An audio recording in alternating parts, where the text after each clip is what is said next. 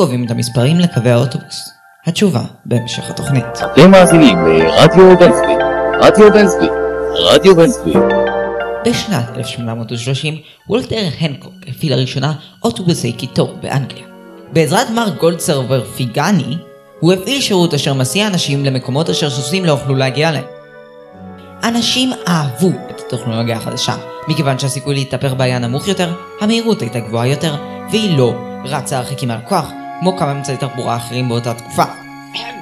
בשנת 1865 נוצרה לראשונה הגבלת מהירות לאוטובוסי הקיטור, והיא הייתה 6.4 קמ"ש. זה ממש איטי. בכל מקרה, בשנת 1899 הופיע אחד הסמלים של בריטניה הראשונה, אוטובוס קומותיים, עם 24 מקומות 14 למעלה, הוא הסיע הרבה אנשים. וכך נסעו האנשים. עד לשנת 1895, והגיע לרחובות משהו חדיש ביותר, אוטובוס ממונע.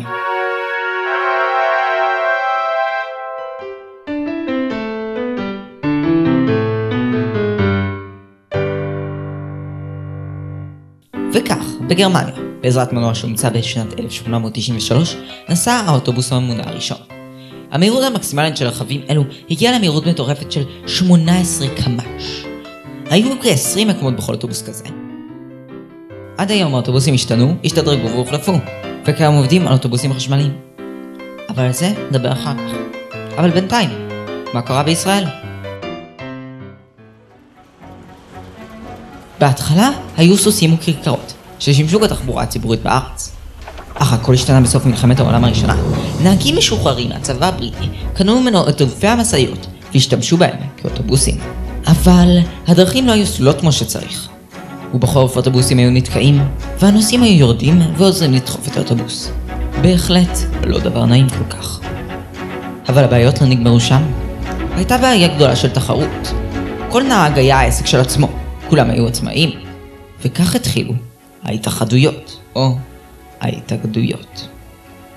כדי להוריד את המחיר ולגרום לתנאי העבודה להיות טובים יותר, החלו הנהגים להתאגד, ובשנת 1933 התאגדו מספר רב של התאגדויות כאלו להתאגדות אחת.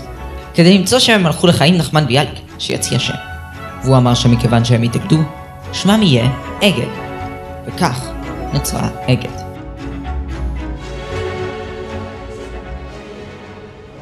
אוטובוסים היו באופן קבוע חלק ממערכת הביטחון. מלחמת השחרור לדוגמה, נפתחה על ידי התקפה על שני אוטובוסים של אגד.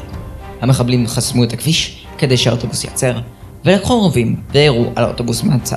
הנהגים קפצו מהאוטובוסים כדי לפנות את המחסום בשביל להתחמק מהמקום. וזה היה הרגע שבו פרצה מלחמת השחרור. במלחמת ששת הימים, חיילים לחמו מחלונות האוטובוס. הם ישבו באוטובוס והראו משם על האויב. כמה חברות אוטובוסים קנו אוטובוסים מיוחדים לתנאי השטח האלו כדי להשתמש בהם במלחמות. אך גם כשלא היו מלחמות, אוטובוסים ותחבורה ציבורית היו מטרות לפיגועים. בשנת 1978 מחבלים באו מלבנון בסירות ותקפו אוטובוס שהיה מלא באנשים. באירוע זה מתו 35 אנשים. איך נקבעים מספרי הקווים? זו יכולה להיות שאלה ששאלתם את עצמכם פעם או פעמיים, אך לא היה לכם כוח ללכת לחפש. וזה לא כזה פשוט למצוא. אז איך זה עובד?